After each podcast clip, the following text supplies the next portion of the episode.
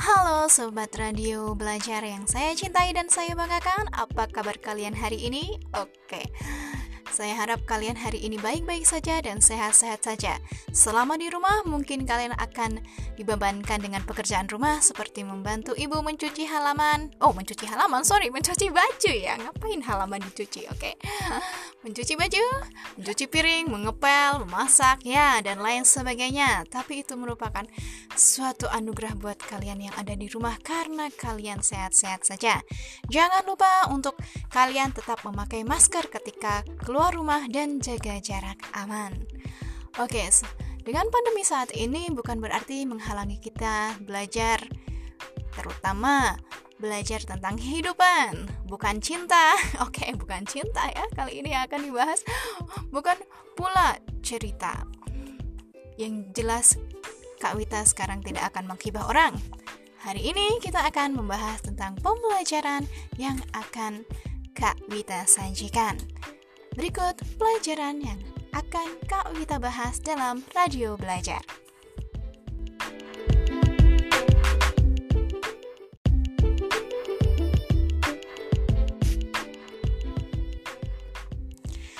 Oke, pada pembelajaran kali ini Kak Wita akan mengajak kalian belajar tentang virus. Bagaimanakah bentuk virus itu? Bagaimanakah ciri-ciri virus itu? Dan bagaimana virus bereproduksi sehingga menyebabkan suatu keadaan di mana virus itu mempengaruhi kehidupan sehari-hari. Tentunya virus itu tidak asing di telinga kita, terutama dengan nama COVID-19 yang sekarang sudah tenar bukan? Oke, betul sekali. Ya, ini alasan kalian tidak dapat uang jajan ya, karena kalian tidak sekolah hari ini.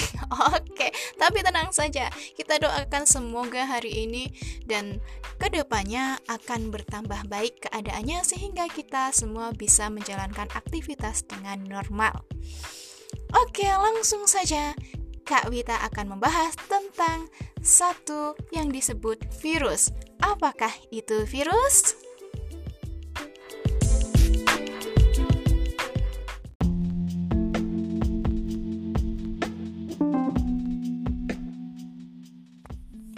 Nama virus sendiri itu berasal dari bahasa Latin yang berarti racun. Bukan racun hati ya, bukan racun cinta ataupun racun tikus yang terutama disebut racun karena memiliki efek pada manusia yang menyebabkan manusia mengalami sakit. Oke. Dan bagaimana ciri-ciri virus ini sebenarnya? Kita akan bahas satu persatu. Yang pertama yang akan kita bahas adalah ciri-ciri virus.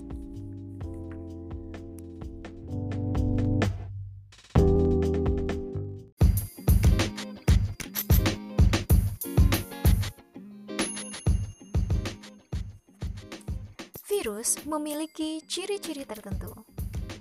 Ciri-ciri virus meliputi ukuran, bentuk, struktur, dan fungsi. Virus memiliki ukuran sangat renik atau kecil, yaitu antara 25 sampai 300 nanometer, di mana 1 nanometer sama dengan 10 pangkat min 9 meter. Contoh virus yang berukuran paling kecil adalah virus polio. Sedangkan contoh virus yang berukuran besar adalah virus tembakau yang panjang tubuhnya mencapai 300 nanometer. Virus dapat dilihat menggunakan mikroskop elektron.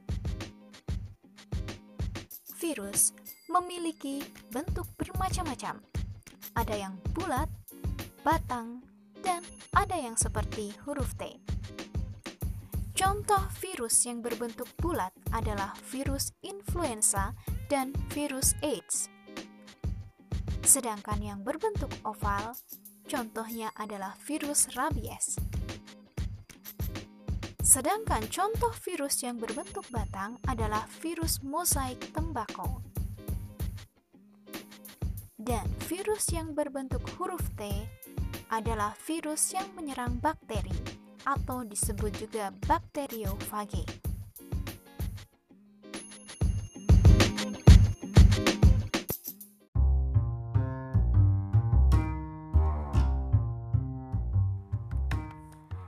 Virus bukan merupakan organisme berupa sel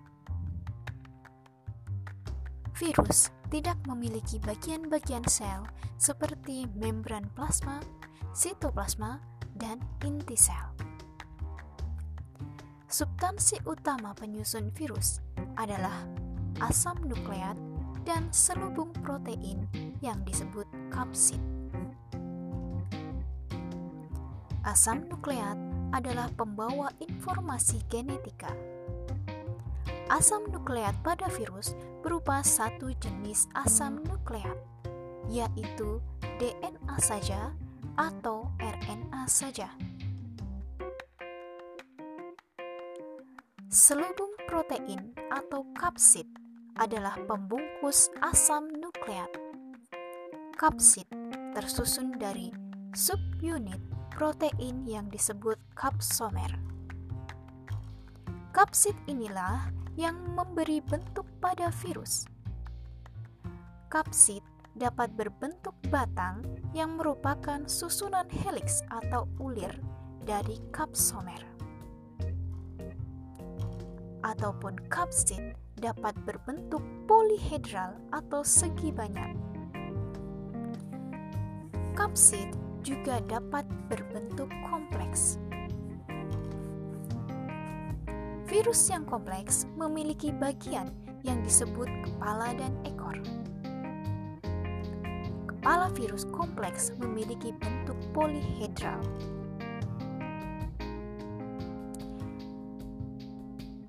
Pada struktur ekor, terdapat suatu selubung ekor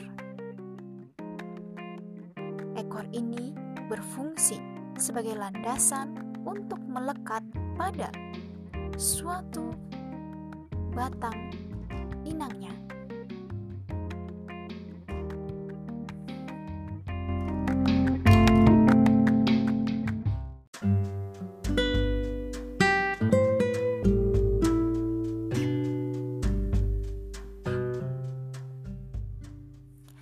Reproduksi virus Virus tidak memiliki alat untuk bereproduksi sendiri karena struktur tubuhnya sangat sederhana. Oleh karena itu, virus memerlukan sel inang untuk bereproduksi. Perkembangan virus dilakukan melalui proses replikasi di dalam sel inang. Virus dapat bereproduksi dengan dua mekanisme yaitu siklus litik dan siklus lisogenik. Siklus litik adalah siklus replikasi genom virus yang menyebabkan kematian pada sel inang. Beberapa tahapan dari siklus litik sebagai berikut. 1. Fase pelekatan atau adsorpsi. Fase pelekatan adalah fase saat virus menempel di dinding sel bakteri menggunakan ekor dan serabut ekornya. Setelah menempel, virus akan mengeluarkan enzim lisozim yang berfungsi untuk melubangi dan menghancurkan dinding bakteri. Fase penetrasi atau injeksi. Fase injeksi adalah fase saat virus menyuntikkan isi dari virus tersebut berupa DNA atau RNA ke dalam sel bakteri. Selubung protein tetap tertinggal di luar sel, sedangkan isi sel berpindah dari dalam sel ke dalam tubuh inang sel. 3. Fase sintesis atau replikasi. Pada tahap sintesis, DNA virus akan mengambil alih sistem metabolisme sel inang sehingga ribosom sel bakteri mensintesis protein virus dalam bentuk enzim. Dengan, dengan demikian, sintesis DNA dan protein bakteri dihentikan sehingga virus dapat membentuk protein penyusun kapsid, kepala, dan ekor di dalam tubuh inang. 4. Fase perakitan Pada fase ini, komponen-komponen virus yang masih terpisah antara kepala, ekor, dan serabut ekor akan dirakit sehingga menghasilkan virus yang utuh. 5. Fase lisis Setelah perakitan virus selesai, virus akan menghasilkan enzim lisosim lagi untuk menghancurkan dinding sel bakteri inangnya. Ketika dinding sel bakteri hancur, bakteri mengalami lisis atau pecah dan virus-virus baru keluar untuk mencari sel inang baru. Demikianlah untuk siklus lisis atau yang disebut litik. Pada siklus lisogenik, replikasi genom virus tidak menyebabkan lisis atau pecahnya sel inang pada siklus ini, DNA atau RNA virus tidak mengambil alih metabolisme bakteri, tetapi bergabung dengan DNA bakteri yang disebut profage. Ketika bakteri yang telah terinfeksi virus membelah, profage juga akan ikut membelah pada setiap pembelahan sel. Berikut adalah tahapan dari siklus lisogenik. 1. Fase absorpsi dan injeksi. Tahap ini hampir sama pada tahap siklus litik, di mana DNA virus atau RNA-nya dimasukkan ke dalam tubuh bakteri. Yang membedakan adalah yang kedua, fase penggabungan. Pada fase ini, DNA virus akan bergabung dengan DNA bakteri membentuk DNA profage. Selama tahap ini, DNA virus dijaga agar tetap tidak aktif oleh protein dari virus. Yang ketiga, fase pembelahan. Pada fase ini, jika bakteri memerah diri, profage akan ikut membelah, sehingga jika bakteri menghasilkan dua sel anak, masing-masing sel anakan bakteri juga akan mengandung profage. Dengan demikian, jumlah profage mengikuti jumlah sel bakteri yang ditumpanginya.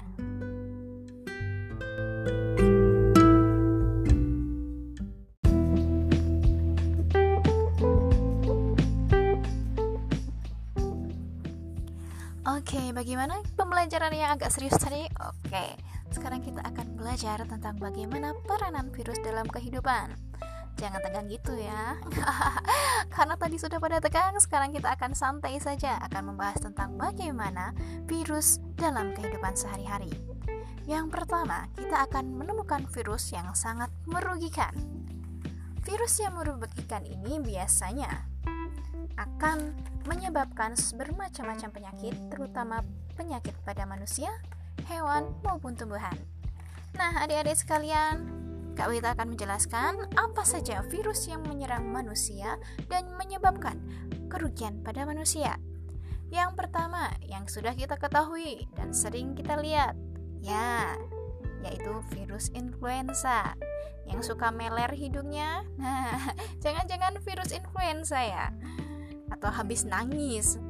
Jangan nangis ya karena diputus pacar. Enggak ya, masih banyak yang lain. Buanglah mantan pada tempatnya. Oke. Yang kedua, ada yang namanya virus herpes. Ya, virus ini biasanya menyerang untuk kulit ataupun selaput lendir. Ada virus campak, virus AIDS, virus cacar, atau virus demam berdarah. yang disebabkan oleh apa yo? Betul, nyamuk Aedes aegypti dan nama virusnya adalah Flavirus. Ingat ya. Sedangkan ada juga virus mengakibatkan yang mengakibatkan penyakit gondong maupun hepatitis dan juga polio. Jadi gondong itu bukan disebabkan oleh bakteri kawan-kawan, teman-teman, adik-adikku tercinta. Karena gondong ternyata disebabkan oleh virus yang disebut paramyxovirus. Oke, itulah beberapa virus yang mempengaruhi atau juga dapat merugikan manusia. Yang jelas tidak akan merugikan adik-adik sekalian ketika kalian terkena penyakit oleh virus ketika ulangan ya. Nggak ada yang mewajibkan orang sakit ulangan ya. Ya, betul. Nah, sekarang ada juga penyakit akibat virus pada hewan kita tahu yang pertama ada flu babi sudah tahu ya H1N1 lalu ada tumor ternyata tumor juga virus yang disebabkan ya pada hewan. Ada juga tetelo apa itu virus tetelo itu penyakit atau eh, itu adalah virus yang menyerang gas. Ada flu burung juga ada Arab yes. Sedangkan ada juga virus yang menyebabkan penyakit pada tumbuhan. Yang terutama yang pertama kita kenal adalah penyakit mosaik buncis ada mosaik tebu dan ada juga mosaik pada tembakau. Kalau kalian bisa lihat mosaik itu biasanya terdapat pada bercak-bercak pada tanamannya. Oke. Ada juga yang disebabkan uh, pada kekerdilan pada suatu tanaman. Ini disebut virus tungro. Jadi kalau kalian kerdil, apakah kalian terkena virus tungro? Belum tentu ya. Mungkin saja itu karena kehendak ciptaan yang maha kuasa. Sejelek-jelek apa pun, ide uh, kita adalah ciptaan yang paling sempurna ya. Diingat-ingat itu. Hmm, jangan merasa cantik sendiri, jangan merasa ganteng sendiri. Kenapa? Karena orang cantik maupun ganteng juga sama-sama makan nasi. Katanya ketela ya zaman now. Masa makan ketela ya? Hmm, kalau mungkin nenek buyut kalian bisa ya makan ketela. Hmm, kalau di sini enggak ya. Apa ada apa ya ada yang masih makan ketela? Ya mudah-mudahan tidak. Nah, itulah virus-virus yang merugikan pada manusia. Nah, bagaimana, Kak, dengan virus-virus yang menguntungkan manusia? Ada. Yang pertama ada virus sebagai peranannya sebagai antibakterial. Virus ini menyerang bakteri patogen atau bakteri yang tidak menguntungkan. Contohnya pada pembusukan makanan. Biasanya pada pemroduksi makanan besar pada pabrik-pabrik juga menggunakan virus untuk mengawetkan makanannya. Yang kedua, ada pembuatan vaksin. Oke, banyak orang yang bilang kalau vaksin itu sebenarnya adalah bibit penyakit. Betul. Ketika kalian divaksin, berarti kalian dimasukkan sebuah bakteri atau virus. Tetapi dalam catatan, bakteri atau virus ini sudah dilemahkan, sehingga kalian tidak akan sakit yang parah. Parah-parahnya cuma demam ringan. Tujuan ini diupayakan agar tubuh terbiasa dengan virus yang dilemahkan sehingga ketika virus aslinya datang menyerang tubuh sudah siap. Ya, siap apa? Bukan bukan siap tawuran ya. Jangan ya. Oke, selanjutnya ada pembuatan antitoksin. Ah, antitoksin ini menggabungkan sifat-sifat DNA yang menguntungkan virus dan organisme lain. Ya, biasanya ini digunakan untuk membuat seperti uh, rekayasa genetika pada bakteri ataupun virus. Tapi kebanyakan yang kita lihat adalah hal yang negatifnya seperti senjata bio, pemusnahan massal, ataupun virus-virus yang dibuat dengan sengaja tanpa tanggung jawab. Nah, inilah yang berbahaya. Tapi ada juga yang menguntungkan contohnya pada untuk tanaman, untuk yang seperti tadi kita lihat adalah antibakterial. Nah, yang selanjutnya juga pembuatan insulin. Itu juga berpengaruh pada penggabungan sifat-sifat DNA-nya. Oke, sekian yang kakak jelaskan tentang virus hari ini. Semoga ilmu ini dapat bermanfaat bagi kita semua. Tetap semangat, tetap jaga kesehatan, dan jangan lupa cuci tangan pakai sabun. Kayak iklan ya. Oke, dan jangan lupa tetap stay cool in Radio Belajar.